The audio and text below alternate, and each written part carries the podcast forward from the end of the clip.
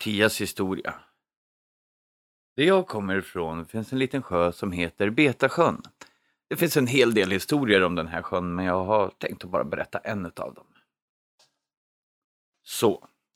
Vid Betasjön ligger det två berg som heter Bastberget och Kittelberget. På varsin sida om sjön och mitt emellan de här två bergen har människor bosatt sig. På den ena sidan var det från början mest en samling hus som det egentligen är synd att kalla by. På andra sidan var det en större samling hus som definitivt var en by, nästan en mindre stad. Eh, för enkelhetens skull tänkte jag kalla dem för lilla och stora byn i den här berättelsen. I den stora byn hade man precis byggt en ny fin kyrka och de som bodde i lilla byn fick ro över Betasjön för att ta sig till kyrkan om söndagarna eller när helst de annars behövde göra ett besök där. Prästen i den nya kyrkan var spåkunnig. Det handlade inte bara om att han kunde förutsäga framtiden. Det var mycket mer och värre än så. Han var helt enkelt trollkunnig.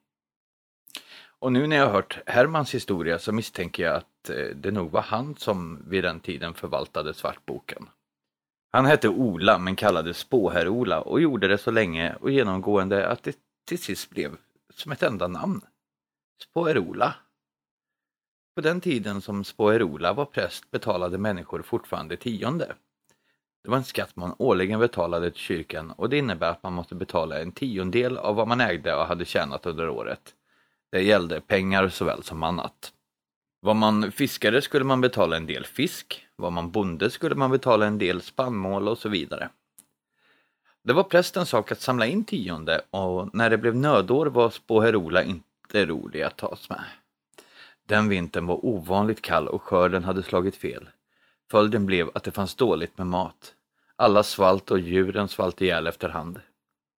Det i sin tur ledde till att det till slut varken fanns kött, mjölk, bröd eller grönsaker. Det var långt kvar till våren och alla led förskräckligt. I lilla byn löste man problemet hjälpligt genom att fiska i Betasjön där det fanns mycket lax.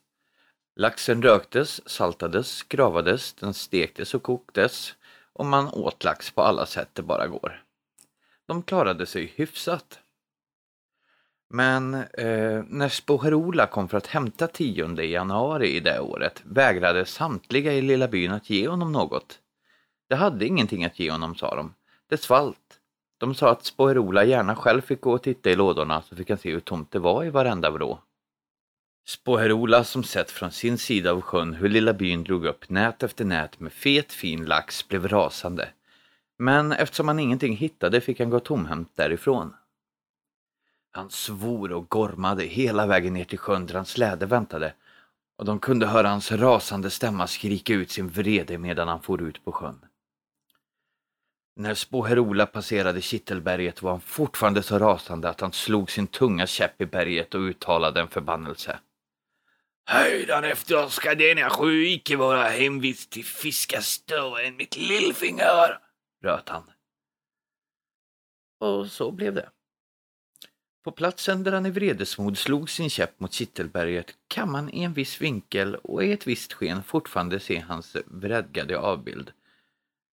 Och fisken i Betasjön är idag inte större än ett lillfinger och kallas för Betarsjösill. Men människorna i lilla byn var envisa och styvsinta rackare. Det övergick till att äta betarsjösill i all tystnad och har fortsatt ända in i våra dagar. Man kan undra vad det är för sorts fisk egentligen, betarsjösillen. Någon visade ett par exemplar för en sötvattensexpert som gissade på att det är någon sorts inavlad lax. Men han var långt ifrån säker på sin sak och hade aldrig sett något liknande.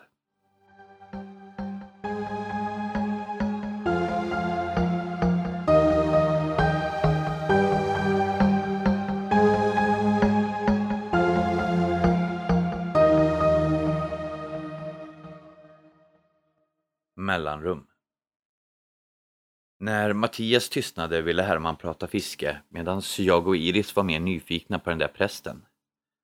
Så här efteråt så kan jag berätta att Spoherola funnits på riktigt. Det är sant, jag har forskat i det och jag har hittat honom i länsmuseets gamla rullor. Betasjösillen tycks också vara ett faktum. Hur eller om det hänger ihop som i Mattias berättelse har jag ingen vetskap om. Men det skulle inte förvåna mig. Inte efter allt jag hört berättas och inte efter vad Agnes berättade.